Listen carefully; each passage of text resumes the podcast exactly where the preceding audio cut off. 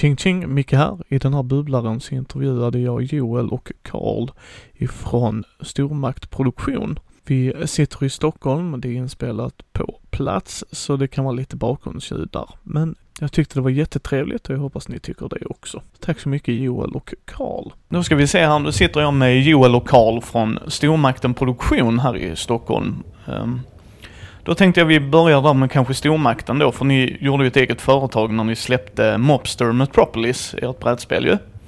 Men namn är ju alltid viktigt. Hur kom ni på namnet? Oj, ja den är ju, den har en ännu längre historia än spelet. Eh, vi är tre grabbar i bolaget eh, som har växt upp tillsammans. Så vi har känt varandra sedan vi var typ sex år, tror jag. Och eh, vi, eh, när vi började lira datorspel och, och, och liksom klanspel och sånt för hur många år sedan som helst så blev klannamnet Stormakten. Vi bodde, liksom, vi bodde utanför Jönköping på en liten ort som liksom tittar ner över Jönköping. Vi tyckte att vi var lite så här stormaktsbeskyddarna på något sätt. sjukt, sjukt länge sedan. Men, eh, och sen dess har vi liksom stormakten. Det har varit CS-klaner, det har varit, jag vet inte, nu är det brädspelsbolag, vad har vi gjort mer? Vi har vi har lirat fotboll tillsammans, vi har gjort allt möjligt. Ja. ja det har varit eh, det namnet som vi alltid kommer tillbaka till. Att eh, så fort vi gör någonting tillsammans så har det alltid varit just stormakten som har varit det namnet. Liksom. Ja. Och nu när vi då skulle släppa brädspel så skapade vi, då var det rätt självklart att det skulle heta Stormakten Production. Ja. Vi hade ju en rätt rolig grej där med Skatteverket att de inte, vi fick inte nämna, eller vi fick inte heta Stormakten först för att det kan ju då vara, vad var det de sa egentligen? Ja, det var vi har haft så många svängar med Skatteverket och sånt där. Eh, men det var, det var ju något så här att det fick liksom inte antyda på eh, alltså någon slags statsmakt eller så. Man, fick, man får inte i ett företagsnamn antyda att man är någon form av eh, auktoritet eller statsmakt eller myndighet eller liknande. Det var någon sån klausul. Så jag var tvungen att först Alltså jag har så många duster med de här olika myndigheterna. Men jag, var, jag vet inte om det var Skatteverket eller Bolagsverket som jag var tvungen att övertyga om att eh, det, vi aspirerar liksom inte på att ta över världen på riktigt. men... Eh, ja, vi fick skriva olika... Vi fick överklaga men vi fick igenom det. Ja. Och sen, men det var viktigt att vi la till production eller produktion. Liksom. Precis. Vi fick inte För att vi fick inte bara heta Stormakten. Nej. Men så det var kul. ja, och sen i samband med det då ju som sagt så gjorde ni ju Mobster Metropolis. Så om vi börjar där, vad är det för typ av spel? Hur skulle ni, vad är er pitch liksom? Uh, ja, pitchen är väl att, uh, att det är ett strategispel helt enkelt. Där uh, jag tror att många när de ser, ser spelet i, till en början så kan man tro att det är liksom ett area control-spel och ett liksom lite Amitrash-spel. Men i grund och botten är det väl lite mer åt euro och liksom card drafting och strategispel. Där man eh, bygger upp en ekonomi likt ett eurospel men det har ehm, det jag ty tycker det, det, har som inte många eurospel är att det är sjukt mycket interaktion eh, mellan spelarna och eh, just det här att man kan backstabba mycket och skima och så. Så att det, det är det det har och det är inspirerat av de spelen vi gillar att spela mycket och vi spelar ju både liksom tunga euros och även spelat väldigt mycket Magic the Gathering och um, sådana spel. Så vi har ju liksom eh, spelet började ju väldigt mycket med att eh, det började från en tema, inte en, inte en mekanik, eller specifik mekanik, utan vi började att, eh, det här var ju 5-6 år sedan nu, där vi eh, sa att eh, fasen, eh, liksom ett, ett gangster eller maffiaspel i brädspelsvärlden, det finns för alldeles för få. De som är gjort är väldigt oftast rätt så här gimmicky eller liksom kortspel eller, och det är väldigt så enkla spel. Ehm, det finns ju några, liksom Nothing Personal och, och sådana här, och oftast eh, är det ju som sagt lite lättare spel, eller inte så tunga spel. Um, och det här var innan eh, Godfather-spelet kom ut. Uh, så vi tyckte ju verkligen att det fattades ett sånt här spel. Det finns så mycket bra spel i liksom alla de andra fantasyvärldarna. Varför finns det inte fler bra spel som är i den här eh, liksom, romanti uh, romantiken kring liksom, maffia och gangster? Mm. likt Gudfadern-filmerna och det här. Så det var så det började framförallt, att vi ehm, vi ville göra ett spel som kunde liksom eh, hämta upp den känslan som man får när man kollar på de här filmerna, de här gamla filmerna som jag tror alla älskar.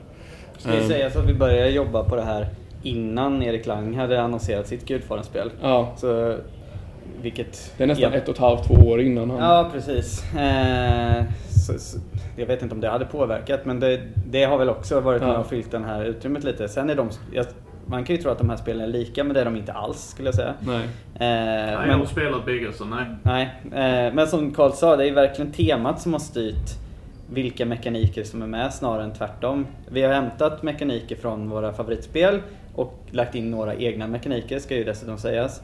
Och alla handlar ju om att få det att kännas som att man, man, man bygger ett syndikat, man är en gangster, man tjänar pengar på olagligheter, man skickar bilar för att sno de andras grejer och man har battles liksom så. Mm.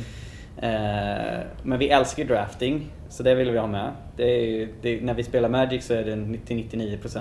Alltså, vi, vi, vi alla, alla tre bolaget har familjer, vi har inte jättemycket tid liksom, till Uppenbarligen har vi tid att göra ett brädspel men vi har inte så mycket tid utöver det mm. kanske. Uh, men, men, så, så att vi, gillar, vi gillar ju det här liksom, typen av spel där man kan komma in, man börjar från noll allihopa och man kan tävla på ett rättvist sätt. Och liksom med någon form, en bra balans också. Och sen avskyr vi tärningar allihopa, så det är inga tärningar med. Man draftar i början av, det, spelet är uppbyggt i faser, man draftar i en av de första faserna, det, det kommer lite event som ändå bidrar med någon form av, eh, dels lite slump för att det ska vara lite variation, men också eh, att man måste ta beslut som kan påverka. Eh, och sen har man en, en, en del där man liksom bygger upp och funderar på hur man ska, ska man satsa på mera inkomster, mera försvar eller mera liksom, attackstyrka. Eh, eh, och därefter kommer det en, eh, liksom faser där man strider mot varandra om man attackerar för att ta varandras inkomster och så. Och allt det har vi liksom försökt göra på ett sätt som, som vidmakthåller den här känslan av gangstertemat på 1940-50-talet. Alltså ett årtal har vi inget specifikt men, men det är ju där någonstans, det klassiska. Mm. Eh, och fan vad många gånger vi har vänt tillbaka och ändrat på en mekanik bara för att den inte känns korrekt med den känslan vi vill ha eramässigt liksom, eller för att eller för att den bara känns onaturlig ur ett liksom eh, det kan till och med vara att vi har ändrat mekaniker för att de känns onaturliga ur ett grafiskt perspektiv. Mm. För att vi vill att det ska liksom kännas schysst rakt igenom. Eh, du är ju en perfektionist när det gäller liksom, grafikbitarna. Eh, mm. Du har liksom haft en vision om hur det ska se ut och fungera. Sen är vi alla tre perfektionister tror jag när det gäller liksom, vad vi tror är spelbalans. Samtidigt som man liksom får hela tiden. Vi är ju ett litet bolag och har inte oändligt med resurser så vi kan ju, man måste, även om man testspelar hela tiden så handlar det ju väldigt mycket om att bara theory crafting liksom. Alltså man, vi, vi har ju lagt så många kvällar på att bara diskutera kring mekaniker vi aldrig ens testar för att vi kunde avskriva dem efter liksom att vi diskuterat teorin. Ja, och sen tror jag man ska säga också att eh, när vi har speltestat spelet så för att eh, vi har ju testat, vi är ju tre stycken så vi har ju testat spela mycket spel. Spelet har vi spelat självklart mycket tillsammans men vi har ju också försökt ta in personer för att liksom eh, göra den processen snabbare. Mm. Så till exempel ja, men Thomas från, eller Konrad Dragro, så har ju, han har ju varit med och speltestat och vi har skickat ett par gånger till honom med hans grupper. Vi har varit på olika spelträffar här i Stockholm på Smash och sådär. Um, där till exempel Johan från Dragon's Lair har varit med och spelat. Och de ger input, de har ju spelat så mycket spel så det, då liksom tar man ju en, ehm, man tar ju en shortcut där på något sätt. Mm. Att, uh, och det som har varit väldigt tydligt är att um, när vi har lämnat ut spelet, när vi har kommit så pass långt att vi har varit tillräckligt nöjda för att visa det för andra. Då har det varit väldigt tydligt att alla har pekat på samma grejer och då har det blivit väldigt enkelt för oss ja. att ändra dem. Och det har varit den, liksom, de grejerna vi själva har känt också att det här, här är vi inte riktigt framme och sen har de pekat på samma grejer. Om det är tre olika grupper som aldrig har pratat med varandra men alla tre pekar på samma grejer, då är det rätt lätt att, mm. ändra på dem. Så att, um... det gäller att hitta de grejerna, annars kan man, annars kan man göra ändringen för evigt. Om man liksom, för att alla kommer ha en någon åsikt. Någon tycker att det ska vara mer lore för att de gillar liksom en mer RPG-känsla. Någon tycker att det ska vara ja, mindre lår för att de avskyr allt som har med story att göra, bara vill ha mekanik rakt igenom. Eh, och, och sådana där, det finns ju små utstickare så här, men om man, när man har liksom, får igång ett gäng spelgrupper och kan se och få, så kan man fokusera på den feedbacken som går rakt igenom. Mm. Sen tycker jag det är minst, faktiskt varit minst lika viktigt också att vi har haft rätt mycket speltester med typ dina jobbarkompisar, folk som inte spelar så mycket brädspel. För de upptäcker de här ja, men vana brädspelare, de, de, vi är, alltså brädspelsvärlden är ju långt ifrån den är ju väldigt varierad. Alltså det finns folk som har svinbra spel och värdelösa regelböcker och sen finns det tvärtom. Mm. Mycket sånt där. Och brädspelare är ganska vana vid liksom att ta sig igenom krångliga regelböcker eller osmidiga starter på spel och sådär.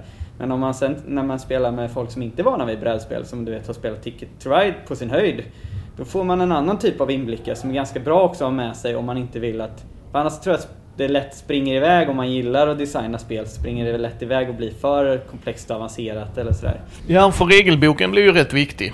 Uh, för att det är som jag säger till folk, jag tror har tusentals timmar i spel i alla fall. Jag har en egen samling på 350 så att jag menar, jag är ju inte rätt man att fråga där om oftast. Eh, det är ju tack vare podden jag har fått börja tänka till. Liksom, kan man tolka det här på något annat sätt? Och det blir ju viktigt då som sagt för att ni kan ju spelet. Så när ni lär ut spelet så är det ju ingen fråga om reglerna. Men när man ger det till några andra som aldrig har sett det innan, då borde de också få liksom mindre FAQ ju bättre. Så hur gick den tillväga? För att den blev ju väldigt viktig både designmässigt för att även om du har reglerna är viktiga. Jag menar Vlado Cevaton ska ju ha en känga för att han är ju så... Han gör tunga Eurogames med värdelösa regelböcker. Det är sinnessjukt. Jag har en story där, vi körde Through the Ages. Eh, min polare i 20 minuter letar han efter en regel. Mm.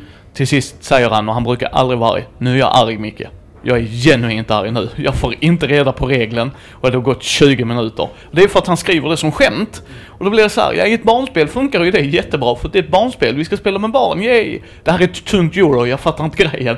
Och det gör han konsekvent. Så hur var era tankar där? Dels har ju regelboken fått genomgå väldigt många iterationer. Vi gjorde ju vi hade ju, alltså vi hade ju en regelbok eh, som vi jobbade med liksom, och, och utvecklade hela tiden inför vår Kickstarter. Men sen, sen ska det sägas att efter Kickstarten så gjorde vi om den helt från grunden. Vi skrev om den från början för att då hade vi fått, då hade folk läst den på Kickstarter, vi hade fått lite feedback där. Vi hade också hunnit spela ännu mer själva och sen från ett blankt liksom, blank sheet ett blankt papper så eh, skrev jag om den en gång till och gjorde om designen bara för att veta att vi dels för att den skulle vara bra tryckanpassad men också för att den skulle kännas liksom rätt eh, liksom utrymmesmässigt. Och så. Det, fin det finns regelböcker som är välskrivna men texten ligger ihopkladdad på en mm. sida så mycket som man pallar inte läsa den. Det finns regelböcker som har jättebra illustrationer men saknar texten. Så det är, jag vet inte, och vi, där, där har vi väl, det är väl ett av de områdena där vi väldigt mycket av det här som vi har gjort nu i det här, hela det här projektet, det har allting varit liksom nyheter för oss för att vi aldrig har gjort förut. Men just när det gäller att skriva, det är någonting jag, jag jobbar med skrift hela tiden. Jag jobbar som kommunikationsansvarig på Tele2. När det gäller layout så är det ju någonting Karl är proffsig på. Eh, han, han jobbar ju med grafik och på, på en byrå som gör stora produktioner. Och dessutom Carl, den andra Karl i vårt gäng är också eh, alltså jobbar mycket med tryck, ännu mer med tryckgrejer och hur man förbereder tryckfiler och sånt där. Så det här har vi ett område där vi faktiskt kan kan en del. Så där, dels har vi tagit nytta av våra erfarenheter där. Sen har vi även liksom, jag tycker man ska liksom inte vara rädd att hämta in det är jobbigt att hämta in feedback utifrån för att man vill komma framåt. Men man, det är bra att göra också. Du insisterade ju på till exempel att vi skulle få en tjej på ditt jobb som, som designar mycket layout av den här typen. Så hon fick kolla på den sväng. Eh, Jonas Åkerlund som eh, är en ganska aktiv eh, brädspelare i, som skriver mycket Konrad Dagos. Han, han har varit med och läst igenom regelboken flera gånger. Det är lite av en hobby han har skulle jag tro. Mm. Men det är, Åke Blom är det väl? Åke Blom är det Inte Åke, nej Jonas Åkerlund är helt annat. Åke Blom, och han har också varit med och testspelat flera gånger så det har varit superbra. Och, och då får man in feedback liksom, från folk som kanske då inte ens har spelat eller sett spelet på flera månader. Och så får man ändra om efter det så får man, får man stå ut med det. Och jag tror att det tog ju, för oss tog det ju ett, nästan ett efter att vi hade fått för liksom pengarna genom Kickstarter eh, och var klara med den, då tyckte vi att vi hade ett färdigt spel. Men att färdigställa tryck, liksom, tryckfiler och göra klart regelboken och sånt, det tog ju nästan ett år till. Mm. Och jag tror ju att alltså, vi, vi fördröjde den processen med minst en, två månader bara, för att, bara med regelboken. Den jobbade vi svinmycket med. Så jag hoppas att den känns hyfsat okej. Okay. Eh, vi har inte fått har, vi har fått positiv feedback skulle jag säga. Ja. Nästan rakt igenom. Det har kommit någon fråga, men det har varit så här ja det kan ni kolla här och sen har det inte varit, nej, det är inga konstigheter än. Så det, det känns bra. Men... Eh, ja och sen så har vi även skickat det till, eh, liksom, jag har familj i USA som ehm, genom min fru och som eh, hennes bror jobbar på tidning liksom. Och så korrläser och släpper ut tidning varje månad. Så han har vi också skickat ja. med till att kolla engelskan och sådär för att det blir lite svengelska när man själv kör. Och det är väl liksom, han har ju inte korrigerat det till ändå men om man jämför med mycket så franska som översätter till, till engelska och sådär så är vi ändå rätt i Sverige är vi ändå rätt duktiga på det från början. Så att mm. det är också flutit på med alla de där vänderna tar ju en himla tid. Ja, och det är liksom, men jag tycker, ty, tycker så här, regelboken, det, det, ska man ha med sig om man, när man väl skapar, en, eh, skapar ett spel. Så ifrån första början så var det liksom en, ett Google slide-dokument med väldigt lite text och bara symboler och eh, liksom tre, tre, liksom tre rader om varje fas och sådär att det var ju ett levande dokument som, som ändrade sig väldigt mycket fram tills eh, vår första Kickstarter. Ja, man ska nog med sig det också att man, det, det, det kanske, jag skulle tro att det ofta är den del som ska vara klar sist. Mm. Är den klar innan andra delar så har man, då har man kanske, då är man kanske bara för lat. Att jag tror att regelboken kan man fortsätta pilla med. Skulle säkert kunna fortsätta pilla med den ännu mer också. För den, det blir ju viktigt. Sen är det jag tror också, en grej som bidrar till att det blir bra men som också gör att det tar en jävla massa tid för oss det är som sagt att vi vi tycker Magic Magic-universumet och reglerna kring det. Alla vi gillar Magic och jag i alla fall tycker det är superhäftigt hur man bygger upp ett, ett regeluniversum som gör att man kan släppa nya set två, tre gånger om året där allting fortsätter lira med de basregler som finns. Och det tänket tror jag vi ändå har med oss lite. Vi, vi, är väldigt, vi har varit extremt noggranna med så här, hur vi definierar komponenter, alltså så att det finns liksom tydliga definitioner för saker och att de återkommer, de ordbetydelserna. Det finns inget värre i regelböcker tycker jag än när man kallar en sak något på första sidan och sen heter det något annat på tredje sidan.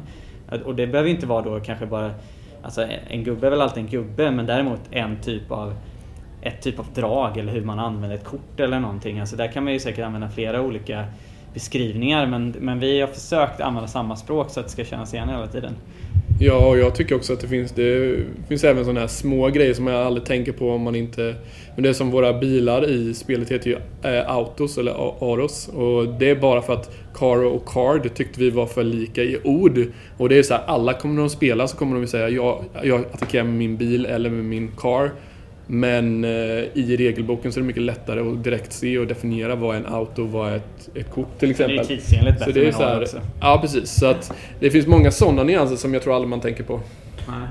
Sen har ni ju också artworken och det har du gjort Karl då. Ja. Det är ju också en process i sig som många inte tänker på för att man... Eh, nu har ni en väldigt mörk plan vilket jag tycker passar temat jättebra. Eh, men det är ju inte många som tänker på det heller. Det är ju en process både med brädan karaktärerna som ni har nu då, eller de små spelargrejerna där. Och sen korten, men sen är det komponenterna. Alltså det är ju regelboken, eh, boxen, baksidan på boxen. Det är hur många lager som helst som folk inte tänker på. Eh, men hur såg den processen ut liksom? Ja, alltså jag tror att eh, vi är ju så, eller jag är också så väldigt så här, visuell när man spelar. Så vi Alltså göra om de här korten, eh, liksom våra Mobster-kort och våra Black Market-kort och sånt. Alltså redan tidigt i våra prototyper så designade jag ut väldigt mycket sådana. Vi har gjort om dem kanske en 12-13 gånger till, till den versionen vi har nu. Och det är bara för att man ska börja få den här känslan av, även när vi spelar med våra prototyper. Alltså spelplan och sånt såg ju, såg ju väldigt... det var ju bara rutor liksom. Men redan tidigt så tycker jag att det tillför så mycket. Eh, och jag... Mm, alltså den processen gick väl till mycket att eh, i och med att jag var ensam som designer så eh, den processen var ju väldigt tung men jag hade ju både Karl och Joel att bolla allting med. Men det var ju att man fick ta ett, ett liksom ett ehm, rätt många ensamma beslut om just designgrejer. Men det ska ju tilläggas att jag har jobbat med det över tio år med just design och layout och sånt. Så att jag var ju väldigt hemma i det. Det var ju mer att eh, man är ju den största kritiken mot sig själv. När man jobbar mot kunder så kanske det är klart att då har man ju kunden som, som feedbackar när man själv ska stå där och säga så här, tycker jag att det här är tillräckligt bra? Då hittar man alltid någonting man kan göra bättre. Eh, men jag tyckte det som vi tyckte var viktigt var att eh, hitta en egen stil och Ehm, brädet är väldigt mörkt och jag tror till och med i eh, våran print har det blivit lite mörkare än eh, de första versionerna vi såg. Men spelplanen i vårt eh, spel är ju att det ska egentligen bara vara en grund för alla andra grejer som du ska lägga på. Så att den har så liten vikt i sig mer än att den ska vara en, en tydlig öppen eh, plan där eh, personers olika byggnader och sånt ska synas väldigt tydligt. Så vi gjorde olika tester med massa olika färger och sånt. Och det blev väldigt svårt för ögat Och och se och vi har även tagit in eh, det är också intressant att ta in så här med färgblindhet och hela den processen. Och det har vi ju gjort. Vi har, man kan ju gå ner i det, mm, man kan göra det till en oändlighet med olika liksom, ikoner istället för färger och sådär. Men vi har ju tänkt på färg, eh, spelarfärger som till exempel att inte använda blågrönt som jag tycker många i andra spel använder som alltid är liksom en nyansfråga som är väldigt svår för sådana grejer. Och annars så liksom när vi har byggt upp grafiken har det alltid varit så att ehm, ja, men jag har gjort skisser och sen så eh, till exempel för de här karaktärerna har vi, har vi hjälpts åt och skrivit vilka slags olika lores vill vi ha. Hur täcker vi av så att det är liksom både tjejer och killar och olika liksom bakgrunder och etniciteter och sådär. Och för det, det, tycker vi också är viktigt att man pushar på sådana grejer så att det inte bara blir eh, liksom det tycker jag speltillverkare nu eh, tänker mycket mer på det att de har till exempel vissa karaktärer man kan vända på så, mm. så kan man spela som tjej eller kille. Sådana grejer tycker jag är jättebra. Nu, nu kunde inte vi göra det på vårt spel men vi har försökt inkludera tjejer och killar och mm. sådär. Och den processen har också varit att vi har skrivit ut varje karaktärs bakgrund och sådär tillsammans men sen har jag haft en vision om hur eh, de ska se ut och sen har jag liksom pitchat det till de andra två killarna och så säger de nej men hon ska inte ha en hatt, hon borde ha det här och så vidare. Så att det har ju varit en process så, men jag har ju ändå varit rätt... Det här är ju... Hade jag tagit eh, betalt för det här i timmar och på mitt jobb så kostar jag rätt mycket i timmen. Så det här är ju by far största produktionen i timmar eh, jag någonsin har jobbat med. Mm. Och då har jag jobbat med kampanjer för Adidas och Nike och allting sånt. Så det är liksom, hade vi lagt ut det här på någon annan så hade det blivit väldigt dyrt. Mm. Men, ja, det här är ju eh, århundradets mest olönsamma projekt om man mäter i timmar. Det får man ju inte göra. Ja. Eh, men det blir ju också så eftersom man alltid har uppbruten tid. Man sitter ju två, tre timmar på kvällen. Man liksom trycker ner sitt barn i sängen och hoppas på att han ska somna snabbt så man hinner jobba på sitt brädspel. Du vet. Ja, men, eh. ja, men jag tror att det, det tror jag är det, det man ska ha med sig och det som jag tror är ett sånt tips till folk som vill starta och göra ett brädspel är ju... Vi gjorde ju ett brädspel för att vi var så ja ah, men vi vill göra ett brädspel som vi själva vill spela och tänkte inte någonting på eh, hur många komponenter, hur svårt det skulle vara att tillverka det och så vidare, eller få ihop det. Vi började och så sa vi, ja ah, men det här är coolt, det här är coolt, det här borde vi göra, det här, det här. Och sen blir det ett tungt spel på 700 komponenter. Och sen så var det mer, hur löser vi det här? Istället för att kanske börja med att göra ett kortspel eller ja. Mm. Det, den produktionen hade ju varit rätt enkel. Ja. Um, så uh, vi gjorde ju det spelet vi själva ville spela. Och sen så var det bara oh shit, nu måste vi få upp det här. Och då tog det fem år. Jag måste bara lägga till på grafiken. Det du har suttit mycket med som jag tycker har blivit väldigt bra också, det är ju liksom det här att det ska vara väldigt tydligt att skilja på olika, ja, men, olika typer av kort. Det är väldigt tydligt vad som är Black Market-kort, det är väldigt tydligt vad som är Mobster-kort. Eh, att det finns olika typer, ja det är väldigt tydligt vilka kort som är attackkort och vilka typer som är Återigen, om man, det kommer bli tjatigt jämfört med Magic hela tiden, men det är ju ett sånt spel där det, där det ganska enkelt syns vad de olika korten har för... Om man, liksom, om man är inne i det universumet då ser man ju direkt vilka kort man har på hand, vilken typ av kort det är. Och det är samma sak med många andra spel som som, som man känner att man kommer in i snabbt. Där är det lätt att lära sig liksom, att känna igen olika bitar. Det, det är viktigt för ögat tror jag. Mm. Jag tycker jag har ju haft en uh, uppförsbacke och inte varit alls lika begeistrad av Terraforming Mars som många andra har haft. Jag tycker det är ett bra spel, absolut. Men jag tycker att det grafiken för mig gör att första intrycket blir så mycket sämre för att det är lite kaosartat och det är mycket symboler och det är bilder som ibland är illustrerade, ibland är rena foton och liksom sånt där. Det har jag lite svårt för. Jag vill gärna att det finns liksom en linjär, ett tänk rakt igenom så. Eh, så för då, då går det lättare för mig att komma in i liksom speltänket. Sen har ni ju komponenter då. Eh, jag kickstartade det här själv så jag eh, han provspelade med min polare. Eh, dock ska jag säga, jag gillade inte det på två. Helt ärligt. För att det, det är ett spel som är gjort för 3 4, absolut. Yes. Men, men det funkade. Alltså vi lärde oss mekaniken va. Men jag blev väldigt förvånad över kvaliteten på komponenterna. Positivt förvånad ska jag också säga, inte negativt. För jag menar om vi tittar WizKids komponenter, det är ju kartongbitar på kort och dylikt. Men det är ju också en kostnad. Det ska man ju aldrig glömma. Det är ju en kostnad. Men det är ju bra, bra kvalitet. Alltså jag, jag gillar verkligen att hålla i duttarna när man la ut det. Eh, allt det där. Men hur, hur var era tankar runt det?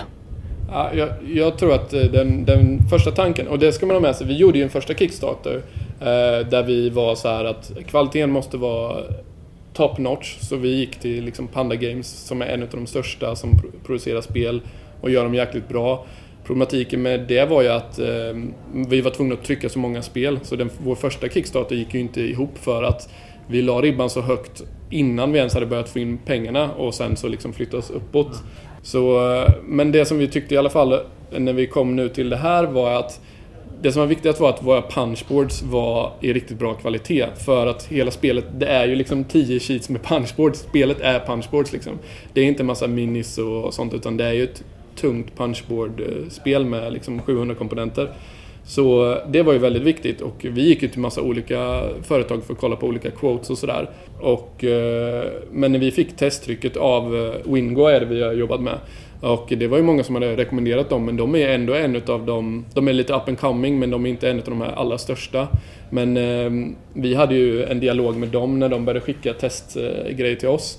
Och det, som, det första och det som vi var väldigt nöjda med direkt var ju just punchboardsen. Att de är, alltså det är bland de, du ska inte skryta men det är bland de bästa kvaliteten på just punchboardsen. Ja, ja, ja, ja. Det var inte, det fastnade inte, det var bara att trycka. Exakt. Förlåt mig, men ja, jag har suttit och tryckt sönder. Och framförallt i spel där det ska vara dold information om man bara, alltså snälla.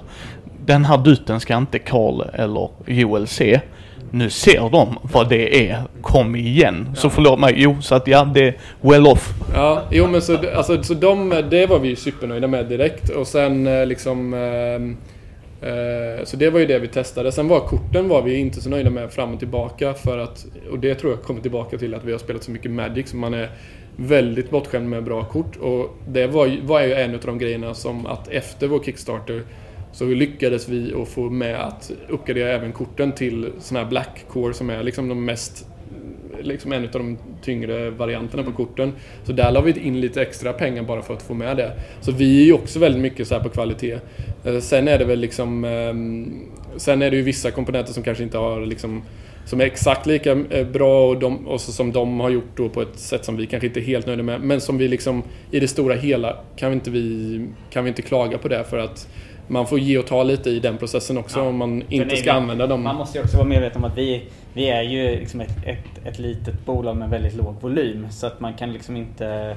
I vissa fall kanske man inte ens kan begära vissa typer av komponenter för att det, att det kostar så mycket att ställa om en fabrik. Alltså för, för att göra en punchboard till exempel, då, då, då, då gör de ju stora vad ska man säga? Eh, ja, knivar som skär de här punchboardsen om man säger. de designas ju för varje spel. Eh, och det, den typen av grejer är det ju hela vägen för varenda typ av komponent. Kort kan man ju trycka ganska smidigt antagligen olika. Det stoppar man in olika mm. former av papper och så trycker man korten. Men när det gäller alla andra specialkomponenter då blir det väldigt dyrt och ibland omöjligt att göra det för små, små volymer. Så där får man ju nöja sig lite.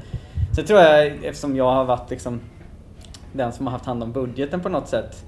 Eh, jag tror ju en grej när vi började med det här för, för fem år sedan, då tänkte vi nog fan, vi, nu ska vi utnyttja våra gemensamma talanger vid sidan om jobbet och göra ett projekt som kan bli kan, vi ska skapa något och vi kanske kan tjäna pengar på det. Sen tror jag att det övergick, ju mer vi insåg liksom att vi hade gått in på liksom en väg där det handlar om att göra ett, ett fett spel snarare än något annat. Så har liksom utgångspunkten har hela tiden varit att vi ska göra ett jävligt fett spel vi kan vara stolta över och skitsamma om vi tjänar pengar. Så vi har ju, det, det, finns inte en enda budget vi har gjort där det, liksom, där det finns en post som säger så här mycket blir det över till oss. Det finns poster som säger att vi ska ta 10% säkerhetsmarginal här för vi vet inte om fraktkostnaden går upp eller ner. Det finns det, men vi har ju inte, och vi vet fortfarande inte, vi har liksom fortfarande inte börjat plocka någonting själva från företaget. För att vi vet fortfarande inte om vi går, hur mycket plus, om vi går plus. Vi har ju lagt in 50 000 var, det måste man göra, eller 50 000 totalt, det måste man göra för att skapa ett aktiebolag i Sverige. De tror vi nog att vi kan få tillbaka nu, kan jag väl vara öppen med. Men exakt därefter, det vet jag inte för nästa år när vi har betalat alla skatter och alla slutsummor på produktion och support nu eh, och liknande bitar. Men vi kommer gå runt, det är inga konstigheter med, men vi har aldrig liksom haft som ambition att vi ska liksom, och det är lite så här, i slutändan nu, om vi skulle tjäna så här, om vi, om vi tjänar vad ska vi säga, säg att vi tjänar 30 000 ihop på, på det här uh, att vi, som vi har jobbat med i fem år, då är det egentligen skitsamma. Om man ställer det då jämfört med att göra, göra klart det vi har jobbat med i fem år och, gör, och få det i riktigt bra kvalitet, då väljer vi kvaliteten. Så hela vägen här har vi till och med, vi hade stretch goals i kampanjen där vi ökade kvaliteten när vi fick upp pengarna. Och de var satta så att så fort vi hade råd med det så ökade vi kvaliteten. Sen har vi ju dessutom då, eh, när vi fick provtryck nu som Karl sa, då var det ju så här, ja men korten, vi var inte helt nöjda. Vi, vi testar att öka kvaliteten på dem ändå fast vi inte hinner få nya kort. Vi bara kör upp den. Vi, vi tror att vi har råd med det. Vi, vi, vi kör. Alltså det är det, det är det tänket vi har haft här. Vi kanske inte, vi vet ju inte liksom om det blir fler spel från oss. Det kanske blir vårt enda, det blir definitivt vårt enda så här tunga på ett litet tag tror jag. För vi har ju samtidigt liksom, alla tre har ju skaffat barn under den här perioden. Vi har fruar och liksom, det, det, är ju det här, det här med work-life balance är ju det funkar ju mest när man har med sitt vanliga jobb, men så ska man ju trycka in ett jobb till då. ja, precis. Jag, jag gjorde ett skämt häromdagen. Jag ritade en, en spelplan till min dotter som är fyra och lämnade in den. Eller tog en bild på den och skickade till min fru. Bara, ah, det här är nästa brädspelsprojekt. Hon skrev bara skilsmässa. Typ. så att det, det, är liksom, det är på den nivån just nu. Så, eh, och jag menar, min dotter var inte ens född när jag började spela spel, eller började tänka på det här spelet. Och nu är hon fyra. Och vi har gått igenom alltså småbarns... Alla, alla oss, alla vi tre har ju två barn medan där, det finns tre små Bobsterbarn hos oss också. Alltså regelboken den är skriven den, är, den, den var ju, den, den nya eller den versionen av regelboken som finns nu, den är ju skriven till stor del så fort min son Bill sov medan jag var pappaledig så skrev jag på regelboken i liksom fem månader. och så jobbar man kvällar också. Men, men eh, nej, så kvalitet det var viktigt för oss. Och jag vet inte, ska man... Vi får väl se, det kanske blir fler, det kanske blir en ny upplaga av det här. Det kommer vi nog jobba lite för, titta på och sådär men... Eh, ska... Eller någon expansion. Eller någon expansion. Eh, men om det inte blir det för att vi inte funkar eller vi liksom, det är något annat med livet som gör att det inte går. Då vill vi vara nöjda med det spelet vi har gjort. Och, ja, jag vet inte. Jag tycker fan att den filosofin har fått följa med hela vägen. Uh, sen alltså som sagt, det är liksom så här, man kan hitta skavanker så som man inte är hundra med nu också. Vi tyckte till exempel att spelplanen kanske blev lite mörkare än vad vi trodde att den skulle bli, för provtrycket var ljusare.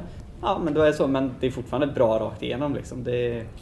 Men jag tyckte det funkar rätt bra för som du sa där innan att då poppar de andra grejerna ut på det viktigaste är vad man lägger ut oftast. Ja, absolut. Eh, men sen körde ni det rakt av på engelska, både Kickstartern och spelet och att ni vill nå ut internationellt så att säga. Eh, hur var den processen? För det är också en process i sig liksom att skicka inom Sverige.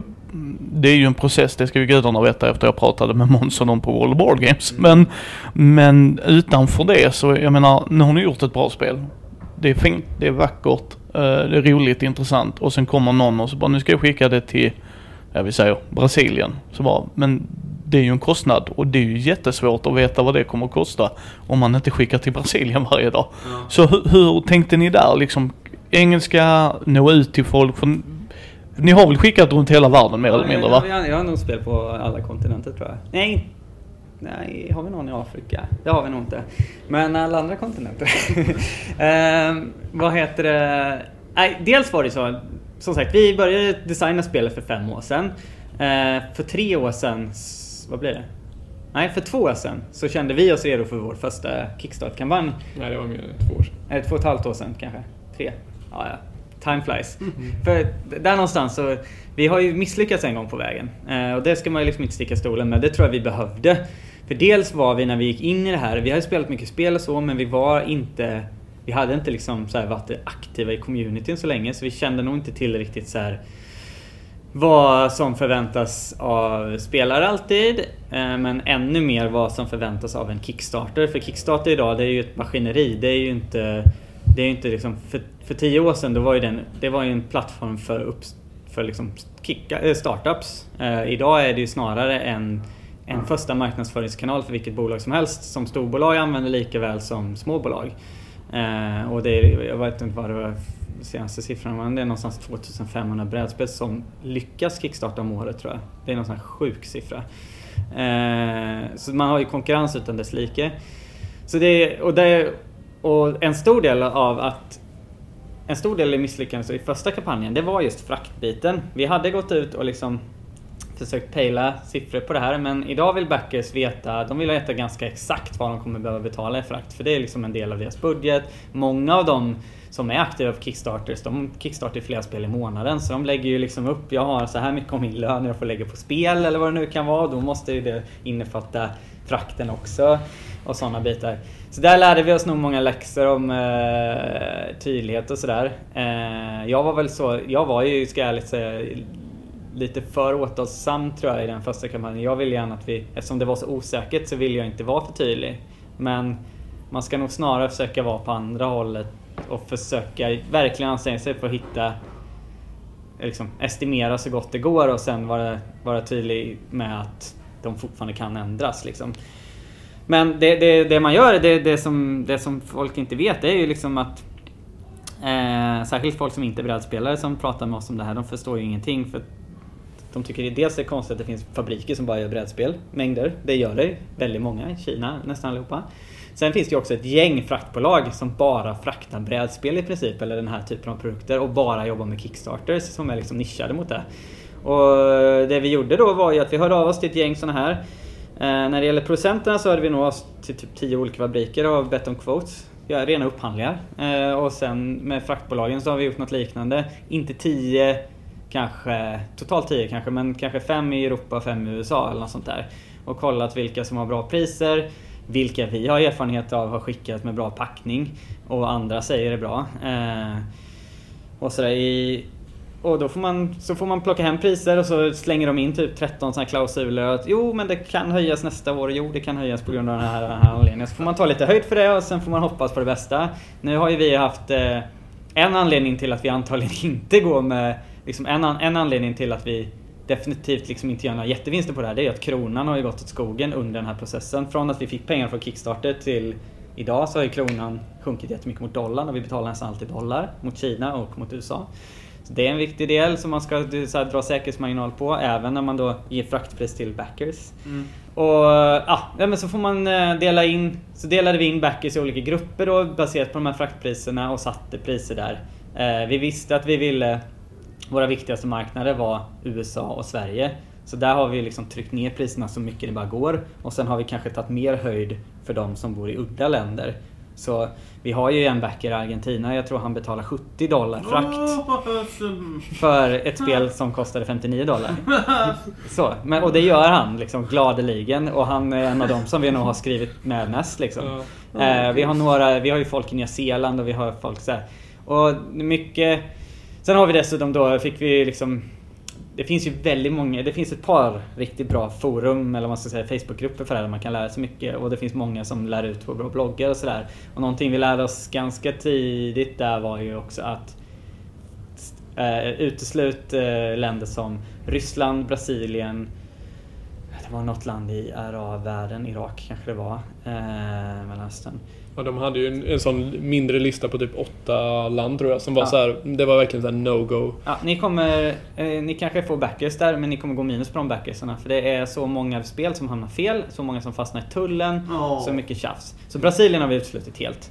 Och eh, ja, så där får man ju jobba också, men, det är ju, men man, ska ju, man ska ju vara medveten om att fraktpriset det är lika mycket en säljgrej som vanliga priset är. Så i USA, där har vi ju liksom verkligen riskat skulle jag sagt, säga och satt priset riktigt lågt. Några stater vet vi att det är högre till, några stater är det lägre till. Men, man, men vi har satt det ganska lågt för att få, vi måste få in backers också. De ska inte kännas för jobbigt för dem. Eh, och det är samma sak med Sverige så ville vi erbjuda så här local pickup för att det skulle vara billigare för en del då. Eh, ja, det har väl, den här gången har det funkat. Eh, vi har jobbat med riktigt bra shippingpartners i USA tycker jag. Quartermaster Logistics, de är jättestora. Eh, sitter ihop med det här, eh, vad heter det? Cool Stuff sitter de ihop med. Eh, så de har vi jobbat med, de har varit jättebra. De har kört USA och resten av världen. Ja, vad ska man säga? De har kört allt utom EU. Mm. I EU så skulle vi först jobbat med Games Quest. Det var, de hade vi nästan avtal på plats med hela vägen fram till kampanjen. Men då drog ju liksom Brexit-tjafset igång på allvar. Mm. Så då ville vi inte riska det. Så då gick vi ut och bad om priser en gång till. Och så slutade vi med att vi använde Happy Shops som är några tyska. Eh, alltså det namnet låter ju som att de säljer typ porrartiklar. Eh, jag tänker alltid på Happy Socks. Eh, de säljer kanske annat också. Ja, men... men, och de var faktiskt Dels har de väl, de är, de är dyrare än de vi valde inledningsvis, så där förlorade vi säkert lite pengar jämfört med Kickstarten. Men de var också rekommenderade av eh, Enigma slash Asmodee för de har jobbat med dem lite tidigare. Så då, då, det var väl en bra anledning också. Man vill gärna... Är man ny i branschen ska man ju lyssna på de som har varit där länge. Eh, Men varför engelska som språk då så sagt? Alltså ni är ju ett svenskt bolag. Det var att ni ville nå ut till så många som möjligt då. För det är ju också en process. Nu är vi ju gamers och i Sverige är vi ju bortskämda med att vi har det ju som andra språk. Alltså du lär dig ju det från alltså start mer eller mindre. Eh, så, liksom, men, så det var en medveten grej. Ni började med spelet för fem sex år sedan och så bara det ska vara på engelska. Ja, det har varit engelska hela vägen. Nej, det har det inte varit. Och sen så har vi väl även tänkt så här att ja, om det... Om vi vill översätta spelet kan vi göra det digitala, alltså digitala regelböcker och få komma till liksom om, vi print, om det blir en stor succé så kan man alltid printa nya, alltså en ny upplaga, då kan man lägga till regler. Men för att vi skulle ens kunna få det här liksom ut efter fem år så var vi liksom tvungna att lägga det och då var engelska rätt naturligt så. Och vi har ju redan fått ehm, det, vi har ju redan haft en designer faktiskt, det är rätt roligt. Han heter Kai och han är eh, co-designer på eh, Skyte, eh, en Skyte-expansion och även ett Eurospel som heter Vejas eller något sånt. Mm. Ja, han han kontaktade oss och översatte vår regelbok till tyska for free, för han gillade det. Och han är även, det är lite roligt, han har även ratat det som eh, en tia på eh, BGG och det enda, de enda fyra spelen han gjort det är Skyte, eh, expansionen han varit med och gjort och det andra spelet han gjort och vårt spel.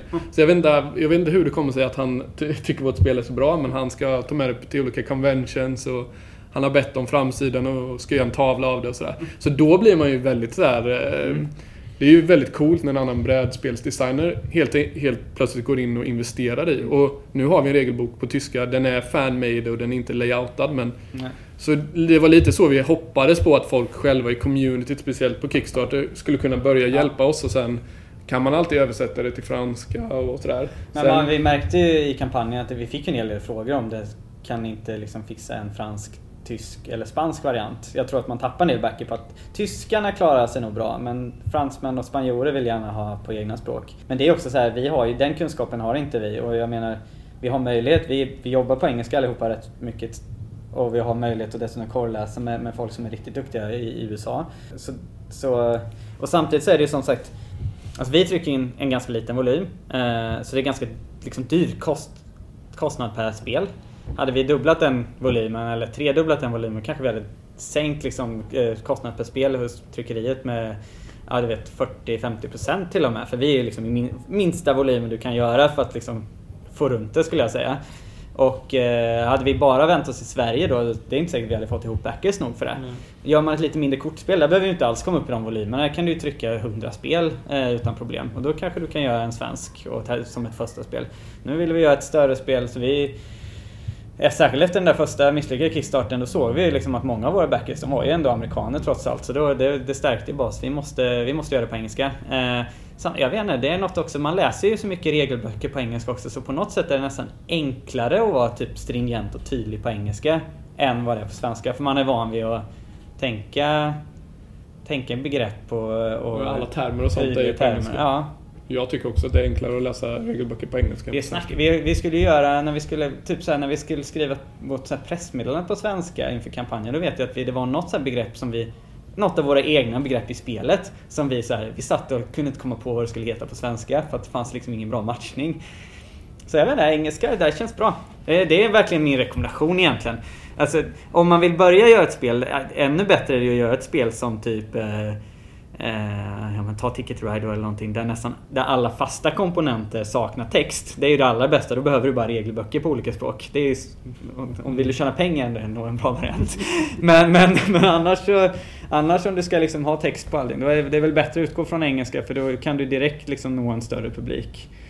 Uh, och det finns ju, alltså det, är inte, det finns många svenskar även i brädspelscommunityt som är bra på engelska som kan hjälpa till att korreläsa och göra det gladeligen liksom. Så det, det kan man nog, och då kan man ju dessutom om det är någonting man har frågor om så kan man lägga ut det på de här stora engelska forumen.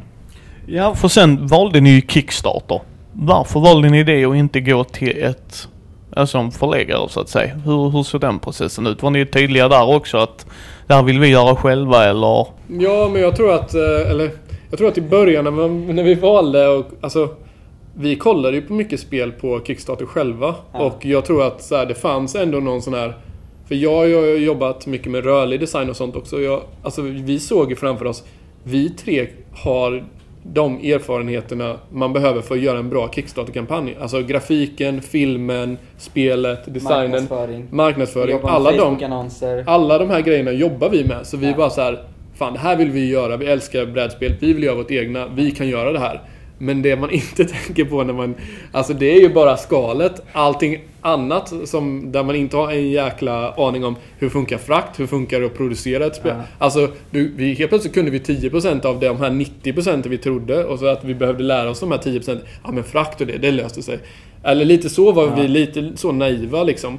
Och det var ju också, som Joel pratade om innan, varför vi inte gick igenom med vår första eh, Kickstarter-kampanj var ju att vi tyckte att vi presenterade allt eh, bra så här, men där var vi också naiva med att vi inte hade olika, alltså folk som hade reviewat eller previewat det. Vi tyckte ju att, ja men vadå, alla de är ju köpta ändå så varför ska man ha med massa sådana? Alltså, vi var ju lite naiva inför hela det här att typ, ja men vad fan, vi presenterar ju ett bra spel, om folk kommer digga det så kommer de digga det. Och, jag menar vår första kampanj hade även liksom två- 200-ish backers. Så det var inte så att det var dåligt, men det var ändå så här att det var liksom en näsbränna där efter första. Mm. Och verkligen så här, okej, nu måste vi tänka ut hur gör man faktiskt en Kickstarter på alla olika nivåer liksom. Frakt, Det- ja, det- Frakten är viktig, Ja. reviewers är viktigt. För, för annars så kommer inte folk backa liksom. Ja, och det är en business lika mycket som alla andra. Det är liksom så här, brädspelsvärlden, det är inte någon så här... Det är, det är ingen så här lite skönare värld där folk gör saker bara för att det är kul och sådär. Utan videorecensenter, de tar betalt. Eh, vad heter det? Stora spelbolag, de, de konkurrerar med de små för att trycka ut dem. Eh, liksom, ska du in och Ska du, vi kände väl lite också, ska du in och så här, försöka t- pitcha ditt spel, då ska du känna massa folk i branschen. Eh, vi känner inte så mycket folk i branschen. Vi kommer mycket utifrån branschen in dit med det här spelet. Eh, så liksom bara börja åka runt på mässor på random och boka möten. Det kändes som en nästan större uppförsbacke för oss än att göra en Kickstarter-kampanj. Särskilt då också när man har liksom vi har ju bara kunnat jobba så här på kvällar och sånt. Det har varit svårt att ta eh, liksom helhelger till det här för att vi har familjer och sånt. Så, att åka till Åka till Essen och liksom boka in 10 konvent på ett år. Det hade varit tight för oss. Tror jag. Det hade, jag tror inte vi hade fått till det med våra övriga liv och liksom våra vanliga jobb och vad det nu är. Eh, nej, jag vet inte. Det, så det blev, det blev Kickstarter men och vi, jag vet inte, vi snöar nog säkert in på det ganska hårt också tror jag. Men samtidigt nu Alltså nu har vi ju, det är ju, det är ju fortfarande, på det sättet funkar ju Kickstarter som det ska också. Om man lyckas där så får man, ju- då får man finansiering för sin första produkt och då har man ju någonting att visa upp. Och det är väl egentligen det som ska vara grundtanken. Det är ju, jag tycker det är trist att Colossal Games och liknande producenter är på Kickstarter. För att det blir, det blir då finns inte den här plattformen för startups längre. Eftersom, ja men, jag menar, vi, klar, vi fick finansiering fast Batman-spelet var igång då och fick, vad var det, 32 miljoner eller något sånt där samtidigt. Och, Jag var en av dem. Ja, jo. Du blev fattigare den månaden. Eh, Det kan jag säga. Det blev. Men eh, jag menar, och det var någon med Robin Hood var den månaden Mm. också, och några till. Alltså, Mm. det, det är klart att det, det, de konkurrerar ju inte ut småspelsproducenterna helt, men de tar ju en stor bit av kakan där. Oh, ja. En extremt stor bit av kakan. Och det, det, jag tycker det, det är lite synd att det inte finns någon sån här startup eh, liksom en riktig startup-scen kvar, eller en riktig startup-kanal kvar längre. Utan, men å andra sidan, man ska ju vara glad för Kickstarter. Den erbjuder en plattform som nästan alla liksom, brädspelare känner till. Eh, du, får, du får ju någon form av gratis marknadsföring bara genom att vara där. Eh, du får ett system där du ordnar in backers och de eh, måste lägga in sina adresser och bla bla bla. Så du får in massa uppgifter på ett sätt som funkar. Och sen lirar det då dessutom med de här bolagen. Vi har ju, vi har ju Kickstarter där vi får in alla backers. Sen har vi ett Sen har vi jobbat med ett bolag för att ta in pengarna till frakten. Crowdox heter de. Och de har liksom då en kan liksom plocka in datan från Kickstarter på ett smidigt sätt och sen då exporterar de sin data till våra fraktbolag. Eller vi exporterar datan till våra fraktbolag via deras system. Så allt det här lirar ju, så det finns ju många så här incitament för att man ska använda just de här plattformarna. Eh, sen vet jag inte, jag har sett att en del kör Indiegogo och en del andra sådana här plattformar nu. Jag vet inte, vi har, vi har alltid tittat på Kickstarter så vi var väl insnöade på Kickstarter. Eh, så är det väl. Ja, verkligen. Eh, ja. Men om ni skulle ge tre tips till folk som skulle vilja prova det här. Jag har en idé, jag vill få ut den. Vad ska de tänka på liksom sådär? För det är oftast det vi vill ge folk en chans. För det är som sagt när ni trodde, nej nej vi ska lära oss 10% från Kickstarter. Sen visade det sig att vi kunde 10% från Kickstarter. Uh, så vill vi gärna hjälpa folk för att man vill ju, ni vill ju få ut er produkt och som sagt ni ska ha Hyvens för att det är en fantastisk designad, alltså så här, layouten och det. Sen får ju folk ta spelet för vad det är, för det är väldigt subjektivt. Men jag tycker fortfarande det är ett vackert spel. Jag menar, om man bara tittar där med bakgrunden, alltså bara själva fronten tycker jag det är liksom sådär. Eh, men som folk vill ju göra spelet. Alltså de vill ju få ut det, men då är det ju grejer många inte tänker på. Så vad är era tre tips där? Ja, alltså tråkiga tips blir det ju. Men så här. Det, det, spelar ingen som helst roll. Nej, jag, tänk, jag tänker så här. Eh, jag, jag tror ju om man ska liksom vara så lite realist, det är Gå inte in för att du ska bli, lyckas och bli klar. Alltså lägg inte upp ditt liv efter att du ska lyckas med att kickstarta ett brädspel. För då, då, då riskerar du för mycket i ditt liv. Utan gör det vid sidan av ett vanligt jobb och var beredd på att det kan ta rätt mycket tid. Eh, det är väl en sån grej. Sen nästa grej är om du inte har något som helst intresse av att liksom administration eh, och fix med, det kan vara för du, du, du, behöver liksom, du behöver lära dig hur man startar ett bolag, du behöver lära dig hantera Skatteverkets alla jävla frågor. Eh, och du behöver kanske dessutom ta några förseningskostnader om du inte fattat något där, det har vi gjort. Eh, du behöver liksom, Bolagsverket är en myndighet till du måste tjafsa med. Du ska lämna in budgetar varje år, du ska lämna in momsrapporter. Det är ju sådana bitar också, så det är inte bara att göra ett spel. Så man ser många i de här speldesign trådarna som kanske sitter och jobbar själva. Det är väl ett starkt tips. Gå ihop ett par stycken där ni har lite olika liksom, styrkor. Så att det är någon som, som är bra på, eller bra i alla fall, någon som har intresse att lägga tid på liksom, de här lite torrare administrativa grejerna. Någon som kanske kan ha en känsla för design och layout. Även om ni i slutändan köper er design sen så är det nog bra om ni, någon av er har, har det själva. Ett misstag många spelproducenter gör det är att de köper in snygga bilder till sina kort, bakgrundsbilder. Och sen slänger de själva dit symbolerna sen. Och så ser det ut åt helvete med några röda cirklar och en siffra och sådär. Så det är ju också så här. Försök hitta ett litet gäng du kan jobba med. Gör det inte själv. Jag tror man behöver vara, om man ska göra något sånt här vid sidan om sitt vanliga liv, då ska man nog vara en tre stycken i alla fall. Det kanske är dumt att vara fler också, för då kommer man aldrig överens. Vi kan bråka rätt mycket på bara tre. Ja, jag, jag tror också det. Jag tror att det, man ska nog gå in med det att man inte ska göra en massa pengar på det och sådär. Utan att man går in med det att jag vill... Eh, man måste tycka att inte bara designa brädspelet. Alltså om man ska ta det hela vägen till att trycka det. Då ska man antingen göra en så, så pass enkel produktion att du kan trycka upp det enkelt, liksom skicka efter grejerna själv i till Polen eller någonting och göra ett kortspel. Då kan du göra en, en mindre volym och göra det. Vill du göra ett större spel sånt här, då är det liksom... Ja, jag tappade helt vad jag tänkte säga. då är det... Då tar det tid. Nej. Men, men, men eh, och sen tre, tre, har vi två tips där eller? Ish två tips. Ja, nu ett, här kommer ish tredje tipset då. Det är väl att Försök ändå, även om du inte liksom är, känner folk i communityn och sådär, vi känner ju inte så många. Försök dra nytta av communityn så mycket som möjligt. BGG, det finns massa bra trådar. Jag har lite svårt för att leta information där för jag tycker att det forumet har så... O, eh, alltså layout och design och, och sökfunktioner är för mig lite för dåliga för att jag ska orka lägga tid på det. Så jag vänder mig istället till Facebook som jag är med hemma på. Eh, enklare, tydligare. Det finns grupper där. Det finns speciellt två grupper. Den ena heter Kickstart Producers for Board Games eller något sånt där. Svinbra grupp där det liksom hela tiden eh, läggs upp kampanjer, man får ge kritik på kampanjer, folk frågar om frakt, folk frågar om skatteregler i USA, folk frågar om det ena med det andra. En bra början är ju bara följa de mm. trådarna. Alltså jävlar vad vi har läst trådar där. Mm. Eh, det finns en annan som, heter, som är en brittisk grupp som är jättestor också som heter... Eh, ja den heter något Sö, Sök på Kickstarter, Board Games och eh, Producers eller något sånt där. Då, då hittar du de här grupperna på Facebook. Och bara, bara lurka där. Alltså läs och läs och läs och läs. Ställ lite frågor i trådar. Eh, för du lär dig jättemycket på det. Så det... Ja, det finns jättemycket kunskap där ute. Det finns väldigt många som precis som dig är nya på det. Men, och som ställer de här frågorna som du kan lära dig av att läsa svaren på. Mm. Uh, hur ser framtiden ut för Stormäkten Produktion då? Kommer ni, tror ni ni kommer få den buggen igen att ni vill göra ett spel till eller? Alltså Karl som inte är här, han pratar ju om att han redan sitter och filar på eh, mekanik och sådär. Jag känner också eh, viss sug alltid av... Jag har alltid vid sidan av mitt jobb haft sidoprojekt och det här har ju varit det sidoprojekt som har slukat de senaste fem åren. Men det finns också någonting så här, just nu så är jag... Finns det en, så här, en, en glädje i att kunna spela andra spel som man har missat på de senaste fem åren. Nu har vi börjat spela Gloomhaven och sånt där. Vi är efter på precis allting för att Varje gång vi ses har vi jobbat. Ja. Vi har inte spelat spel. och det, och det, det ska man också ha med sig. Alltså, jag tror att det är det största tipset om att så här, låt det ta tid. Gör det inte till... det- Alltså, jag tror att om man har mycket tid så tror jag verkligen att, att det här är... Att, att man ska göra det här. Men jag tror annars att man måste vara... Som vi har ju jobb vid sidan av och familj och sådär. Det, det slukar så himla mycket tid det här.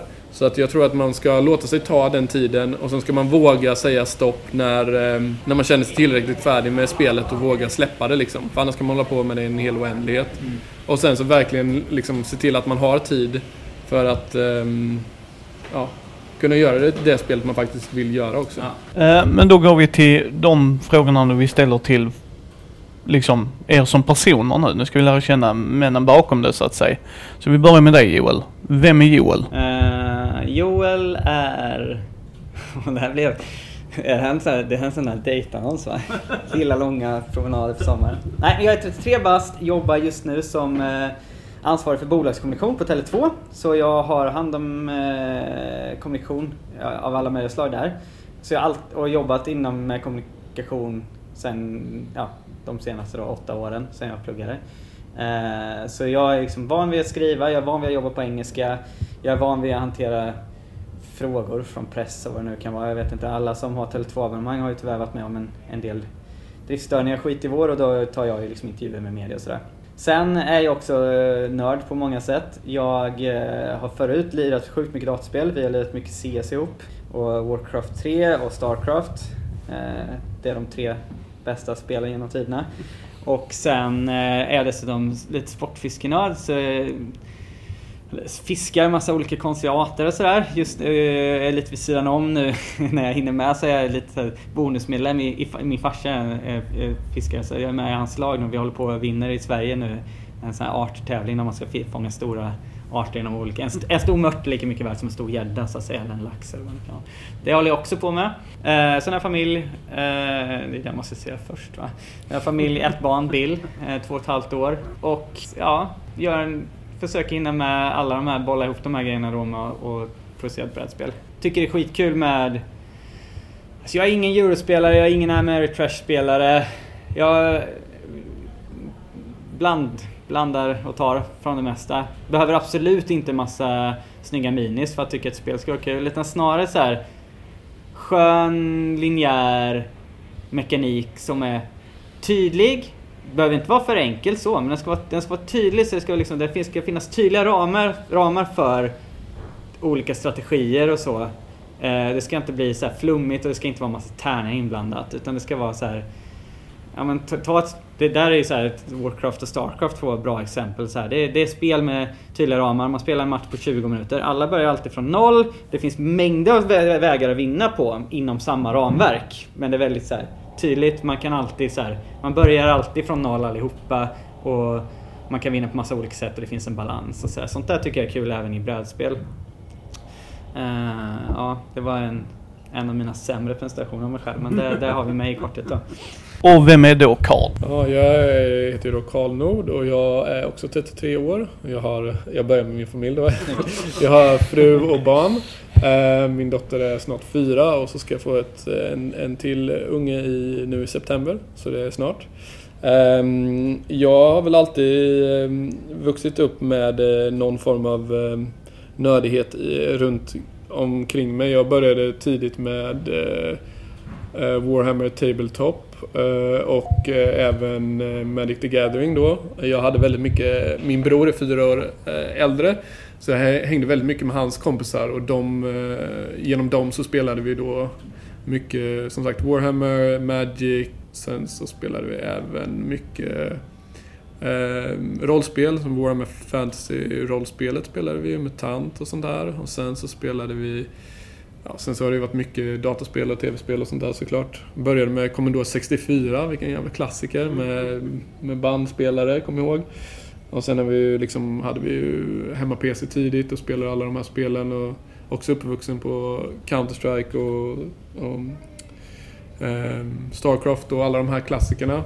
Um, men sen har jag väl alltid um, vid sidan av eh, mitt eh, jobb då som eh, jag jobbar då som Art Director. Så jag har jobbat och innan dess var jag designer så jag har alltid jobbat med form och sådär. Så att jag har alltid haft sidoprojekt från när jag var väldigt liten. Så att jag kommer ihåg när vi spelade innebandy så, så designade jag våra kläder till våra liksom, innebandylag liksom, som vi spelade då med på liksom, streethockey typ. Till att liksom eh, gjort musikvideos, eh, gjort eh, tavlor, gjort... Alltid haft något sidoprojekt vid sidan av jobbet. Jag måste alltid ha någonting att göra. Och jag tror att därför det blev väldigt naturligt för jag och den andra Karl som är här, vi jobbade på samma arbetsplats och började spela väldigt mycket brädspel och då sa vi Fan, eh, brädspel borde vi göra. Sen blev det ju som sagt fem år eh, på det här brädspelet. Men ehm, jag har alltid haft ett sidoprojekt och älskar att göra det. Så att eh, det här har varit ett perfekt utlopp för den, liksom, som jag innan har stoppat in musikvideos eller sidoprojekt på annat sätt. Så nu har det varit brädspel. Det är ju dock det, by far det längsta sidoprojektet jag har haft och det är också en sån här grej kan, man kan ta med sig att folk säger det att man inte ska starta kanske företag med sin, sina bästa kompisar så här, och det kan man nog också ta med sig att vi har haft väldigt lite tid så när man väl har sett så har det varit det här, har ju varit liksom man lagt all tid på spelet och det har ju varit på gott och ont. Mm. Alltså 80% av tiden har jag haft skitroligt men man har alltid också känt en press att när vi väl ses, om vi då skulle vilja spela ett annat spel så får man dåligt samvete för att man känner att man vill lägga det på det här liksom. Mm. Så det är därför det också är liksom just nu att vi börjar komma ut ur det här och ha ett spel så känner man att det är rätt skönt att kunna göra andra grejer samtidigt som man redan nu, som vi sa innan, att man Ja men fan, skulle vi göra en expansion med de här idéerna? Och vi har ju liksom flera idéer som ligger till det här spelet i vår liksom lilla låda som vi kan plocka upp. Och det finns flera grejer som vi Absolut. har velat göra med. Så att eh, vi får se. Alltså, vi, nu har vi gjort en testprint och så förhoppningsvis kommer vi släppa någonting i framtiden. Men ja. just nu så vill man bara spela andra spel. Och så. Nu, ja, nu är vi i en fas där vi Dels, vi liksom tillåtit oss själva att faktiskt umgås lite igen. För det, vi, det, var ju, det var ju ett tag, det var ju någon gång där när vi, du och jag började prata lite om det. Fan nu, nu måste vi bara gå ut och typ sätta oss och ta en öl eller någonting. För att vi, vi har liksom inte pratat som vänner på två år. Utan vi har bara pratat som spelproducenter i två år. Det, det, från att ha varit så här, så här, vänner sedan man var sex år så blir det en rätt stor skillnad. Så det är, det är verkligen speciellt att göra ett sånt här projekt med sina bästa vänner. För man känner ju redan då sen innan vet man alla eller vet man ju så många sidor som man tycker är bra, man vet hur många sidor man irriterar sig på och allt sånt här kan ju liksom Det expanderar ju när man då måste göra något med deadlines och, och sånt där. Eh, så, så det, det, kan verkligen bli jobbigt att göra det som vänner med samtidigt som att Fan det hade nog varit svårt att hitta några andra som man liksom skulle så dedikera så mycket tid med på sidan om. Ja, jag tror inte det hade blivit ett spel då, Nej. om jag ska vara helt ärlig. Jag tror inte att eh, om inte vi hade varit vänner hade vi nog... Det, det hade nog... Eh, på ett sätt hade det varit lättare för att man hade kunnat vara liksom... Eh, eh man hade kunnat skärma av det men jag tror att eh, nu när vi gjorde ett sånt här stort spel som vårt första spel så hade vi inte varit vänner och vågat ta den tiden vi tog. Mm. Så tror jag att då hade man lagt ner det här spelet innan det hade kommit ut tror jag. För ja. det är ändå så pass stort för att vara ett första spel från producenter. Så det är ju liksom...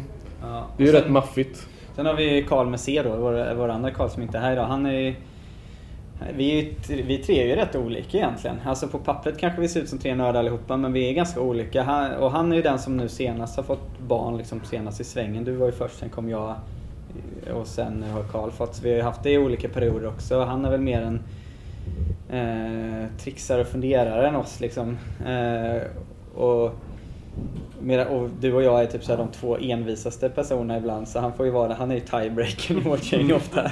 jag röstar på en sak, Joel röstar på en och sen så blir det alltid... Ja, Carl gillar, inte när vi tjafsar heller men han får alltid ta beslutet. ja, precis. Han måste lägga sista rösten. Så egentligen har han kanske fått, eh, fått bestämma han lite för mycket. Han har nog mer beslutsmakt än vad han tror tror jag. Ja, jag tror också. Han är den här tysta, lugna personen. Vi är de som eh, gillar att skrika ja, mest och, och vi är otåligare än honom också. Ja, så in i... Ja, satan. Men det ska man det, det kan slänga med en brasklapp där till tipsen också. Om man ska genomföra en Kickstarter-kampanj också. Det, alltså den här, den här, det tar ju mycket tid allt det här som jag gör, bla bla bla. Men den mest intensiva perioden, det är den här månaden när man har Kickstarter-kampanj. Då är det ju nästan ett heltidsarbete. Ja.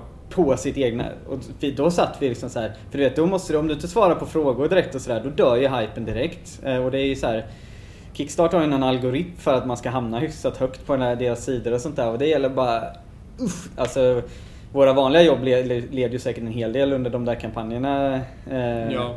Och då ska man, man ska köra marknadsföring, man ska eh, göra ett stretch goals, designa nya stretch goals med grafik, komma överens om, snabbt göra en budget för ett nytt stretch goal, hetsa de här kineserna som inte förstår vad man menar att man vill producera, få in priser för det, ta in nya priser därifrån, fixa det. Ja. Du vet, så här, det, allt sånt där går säkert att förbereda mycket bättre om man är ett bolag som jobbar heltid med det.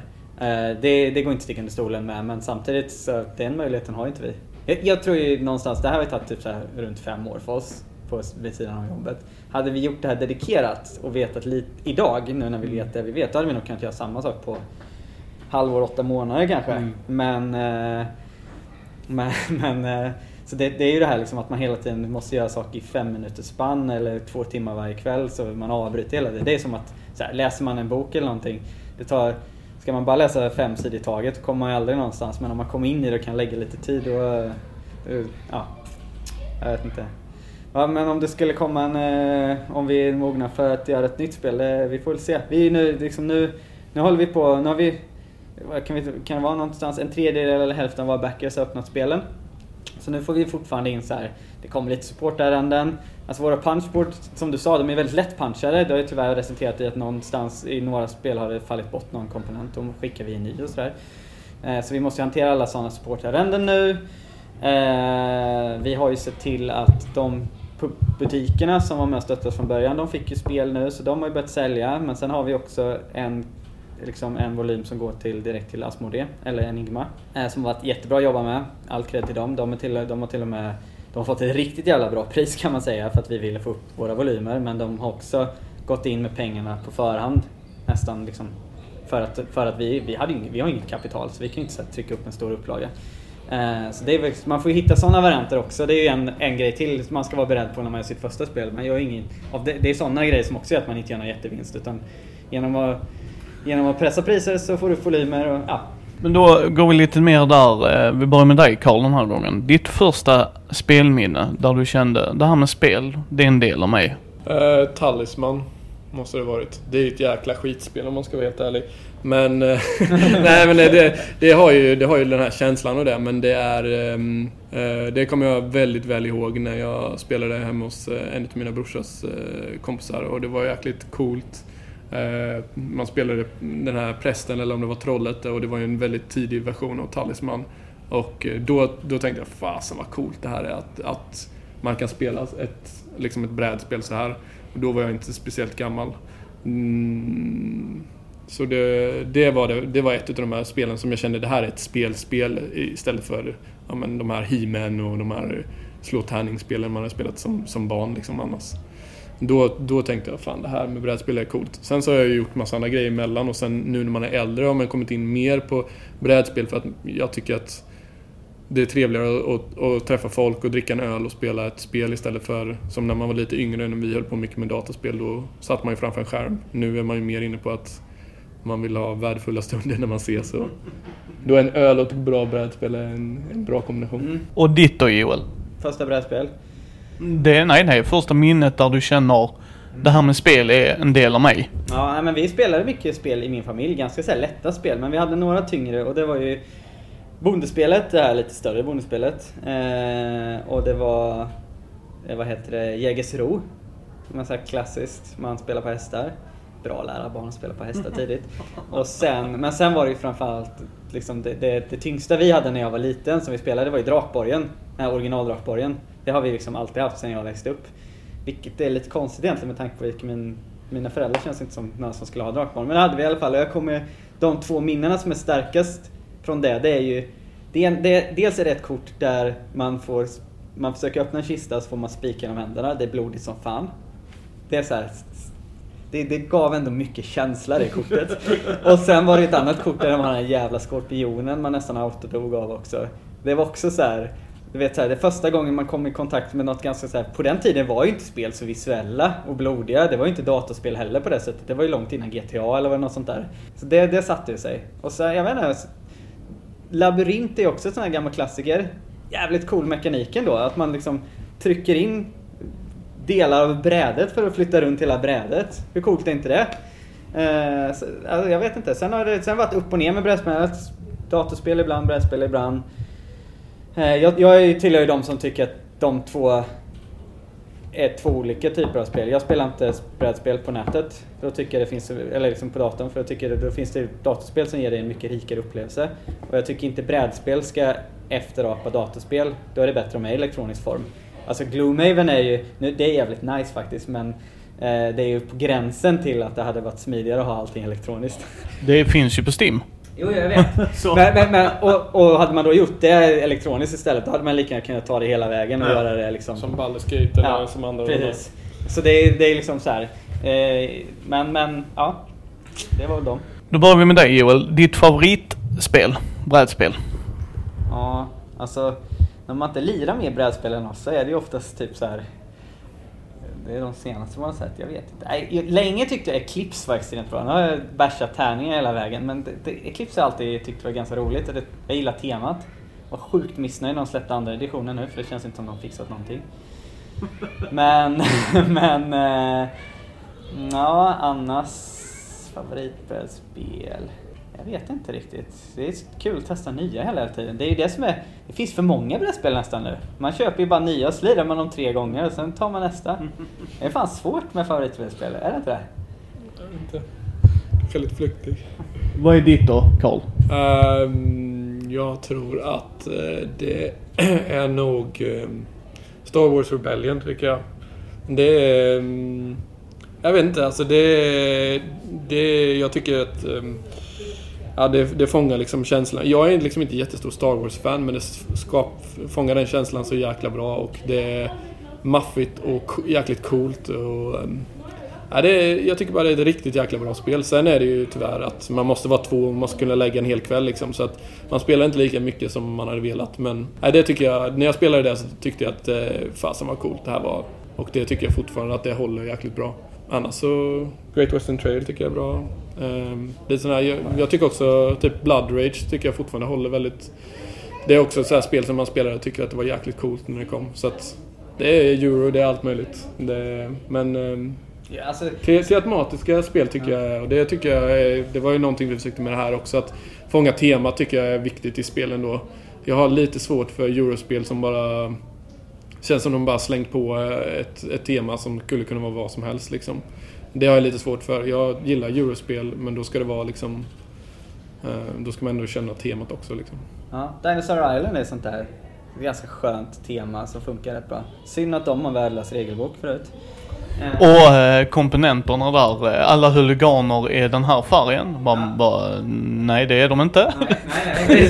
Vissa, är lila, vissa är rosa-lila. Nej, det är så... Alltså det var verkligen, verkligen sån mind-opener jag och Fredde, min Ja. bästis, som vi satt och läste. Ja, precis. Och liksom om de nu har hyrt in en snygg artist som gör den här framsidan som är riktigt snygg. Och en del karaktärer som är riktigt snygga och så här kort. Men de är typiskt så här, så fort det inte är liksom en bildgrafik om man säger, då är det liksom så här staplar och sådana här symboler och sånt. Det ser ut som en treåring har ritat paint ibland. Vad, vad, äh, hur tänkte de där? Och samtidigt så har de liksom volymer som är långt över våra. Det hade inte kostat dem så mycket att slänga på lite extra kvalitet i, i uttrycket där. Men det men sen, sen tycker jag också så här, när vi har, vi har haft så här spelhelger och sånt, eh, när vi inte jobbar så mycket med brädspelet. Det är fan minst lika viktigt att ha de här korta fillespelen som är bra. Det, det, det ska man fan aldrig glömma bort, tycker inte jag. Santorini, briljant spel. Eh, ja, jag spelade nu när vi var, jag var i fjällen en vecka med farsan, bodde i tält med min far nu en vecka. Eh, och så regnade den typ halvdag. Då spelade vi Jaipur i tältet. Det är ett sånt här briljant spel. En mot en, fast det är trading och du kan lära vem som helst det. Ja, sånt här uppskattar man också. Du sa att du var blandat, men vi ställer frågan alltid som vi gör. Ameritrash eller Eurogamer, vad är du Karl? Uh, Eurogamer i så fall. Och du, jag vill... Säger jag också. Ja, jag tänkte säga det när du sa mindre slump och sådär. Sen kan jag hålla med om, jag älskar ju när man, för mig är mekaniker jätteviktigt. Men när man kombinerar det med ett jävligt bra tema så blir det ju bara mycket, mycket, mycket bättre. Men problemet när man kör tematiska spel är att om inte det håller hela vägen faller det. Medan ett icke-tematiskt spel kan ju ändå vila på liksom. Absolut. Och jag tror att till exempel, det är därför jag tror att till exempel Wing, eh, Wingspan har vann nu. För att de, det är så mycket tema i det och det har en, liksom, en grundläggande mekanik som funkar. Och bara att det är fåglar, liksom, folk sitter och göttar sig över det. Så det, jag tror att det vinner ju på att det är en bra mekanik och så ett tema som folk inte har sett, liksom fåglar innan. Så pang, boom. Ja. Tror att det är så enkelt. Ja, det är kul med att det är väl en grej som är bra med att det finns, det kommer så mycket brädspel att nu anstränger sig verkligen folk för att hitta nya teman. Alltså som inte är så här drakar, demoner eller rymden eller vad det nu är liksom. Det är jag. Jag vet inte, jag har inte spelat Wingspan. Jag är lite halvsugen på att testa fall, men men eh, ett annat spel som vi pratade om var, som du har haft nu några månader som vi inte har lirat är Root. Också coolt tema som tusan och folk säger att det är riktigt bra så vi, det måste vi få till bordet snart. Men det är bäst att lära sig, var beredd på det boys. Det. Ja, vi, har, vi, har, vi, har, vi har planerat att spela det flera gånger så jag har nog läst regelboken tre gånger vid det här laget tror jag. Eh, Men då frågar vi eftersom vi både är bräd och rollspelspodd. Spelar ni rollspel? Om vi börjar med dig Joel. Nej, det närmaste är nog typ Gloomhaven eller liknande. Jag har aldrig lirat rollspel på det sättet egentligen. Nej, jag har aldrig känt att jag har den tiden riktigt. Det känns som en lyx det här med att lira Gloomhaven nu. Det, det, har vi aldrig, vi har, det har jag aldrig gjort innan. Jag har till och med gått ifrån jag, till och med, jag spelar en supportklass, det gör jag aldrig någonting annars. jag vill döda folk. Men, eh, men eh, nej, nej, jag har inte spelat rollspel. Har du då Karl? Eh, ja, jag spelade ju en hel del när jag var yngre. Men I och med att jag spelade Warhammer Tabletop så spelade jag även Warhammer Role Playing Game. Så att jag spelade ju det. Så det spelade jag och då spelade jag ju... Eh, jag kommer ihåg de här kla- klassiska kampanjerna, Something Rotten in Kislev och de här. Och det var ju också att jag, jag var även med och målade mycket så här kartor och sånt. Så att... ehm, det var mycket sånt där och halvt. Jag var ju inte helt eh, rollspelsledare för jag var ju jag var yngre som sagt. Min bror var fyra år äldre så de spelade ju och jag fick vara med liksom så det var jävligt coolt. Men i och med att jag var duktig på att rita och sådär fick jag rita mycket så här kartor och items och sånt. Och även ritas alla karaktärer och sånt där. Det var ju riktigt nördigt och gött liksom. Men eh, och sen så spelade jag även, vad fasen heter det? Det här ehm, Ja, det ska man ju veta. Vampire Mask... Jaha, ja, eh, vad heter Vampire Masquerade. Yes, Vampire the Masquerade. Beror på alltså, vilken Det version. spelade Men... jag också ett, ett tag. Och det var rätt coolt men, eh, ja, men där fastnade jag inte riktigt. Men Warhammer Role Playing Game spelade jag i alla fall eh, liksom varje helg, kanske i alla fall ett par år. Så det, det har jag spelat mycket. Men annars har jag inte spelat så mycket. Mutant har jag testat någon gång men eh, Eh, sen, så, sen så blev det mycket Magic the Gathering och sen så blev det andra grejer. Så att, eh, men eh, rollspel är ju, det är ju jäkligt coolt men nej, det, var, det var en era där. Sen har inte den riktigt kommit tillbaka. Nej, och det blir ju så va. Som sagt, både jag och Andy som gör podden är ju inbitna nördar totalt. Och rollspel är ju väldigt roligt tycker vi. Men det är ju också väldigt, väldigt tidskrävande. Det Att är, du- nog, det, är nog, det är nog tips nummer fem. Ska du producera ett brädspel så ska du nog lägga ner rollspelet ett tag. Ja men det är liksom sådär. Men om vi ska avsluta med en sista fråga. Vad tycker ni är eh, grymt med vår underbara hobby? Om vi börjar med dig Karl. Ja, jag tror att det är eh, det, jag skrev ju något inlägg nu i Konrad Drago senast att eh, det fasen det har man märkt nu när vi har ehm, gjort det här spelet att eh, det finns en öppenhet av att man vill lära ut och ge tips och sådär och hjälpa varandra. Som jag inte känner i någon annan eh, liksom, forum så. Det finns ju må- det är liksom eh, bara att vi sitter här och kör den här intervjun och att folk, speciellt i Sverige, att man vill försöka supporta varandra. Både som spelargrupper, som speldesign och sådär. Just att community är så öppet. Och man kan fråga liksom dumma frågor och man, man får inte liksom ett eh, idiotförklaringssvar. Vilket jag tycker det är väldigt mycket i andra forum. Det enda jag kan tänka är typ min bror som gör öl. Han, det var, de verkar ha ungefär lika göttigt i det forumet. Men det är typ... mm, Jag har inte hittat det i så många andra forum. Speciellt när det handlar om spel där jag tycker folk annars är så himla tävlingsinriktade och bärsar på varandra och, och slår upp och ner. Medan här är det mer Fasen vad kul jag hade med det här spelet, du borde också testa det. Eller häng med och spela det här spelet. Det, hela det tycker jag är jäkligt grymt i det här communityt. och Som man inte känner i någonting annat community. Nej, och det är hela vägen upp liksom. Kolla på Stonemeyers blogg till exempel. Han har ju lärt liksom, han har ju... Hans här eh, Kickstarter lessons eller vad de heter, de har ju lärt...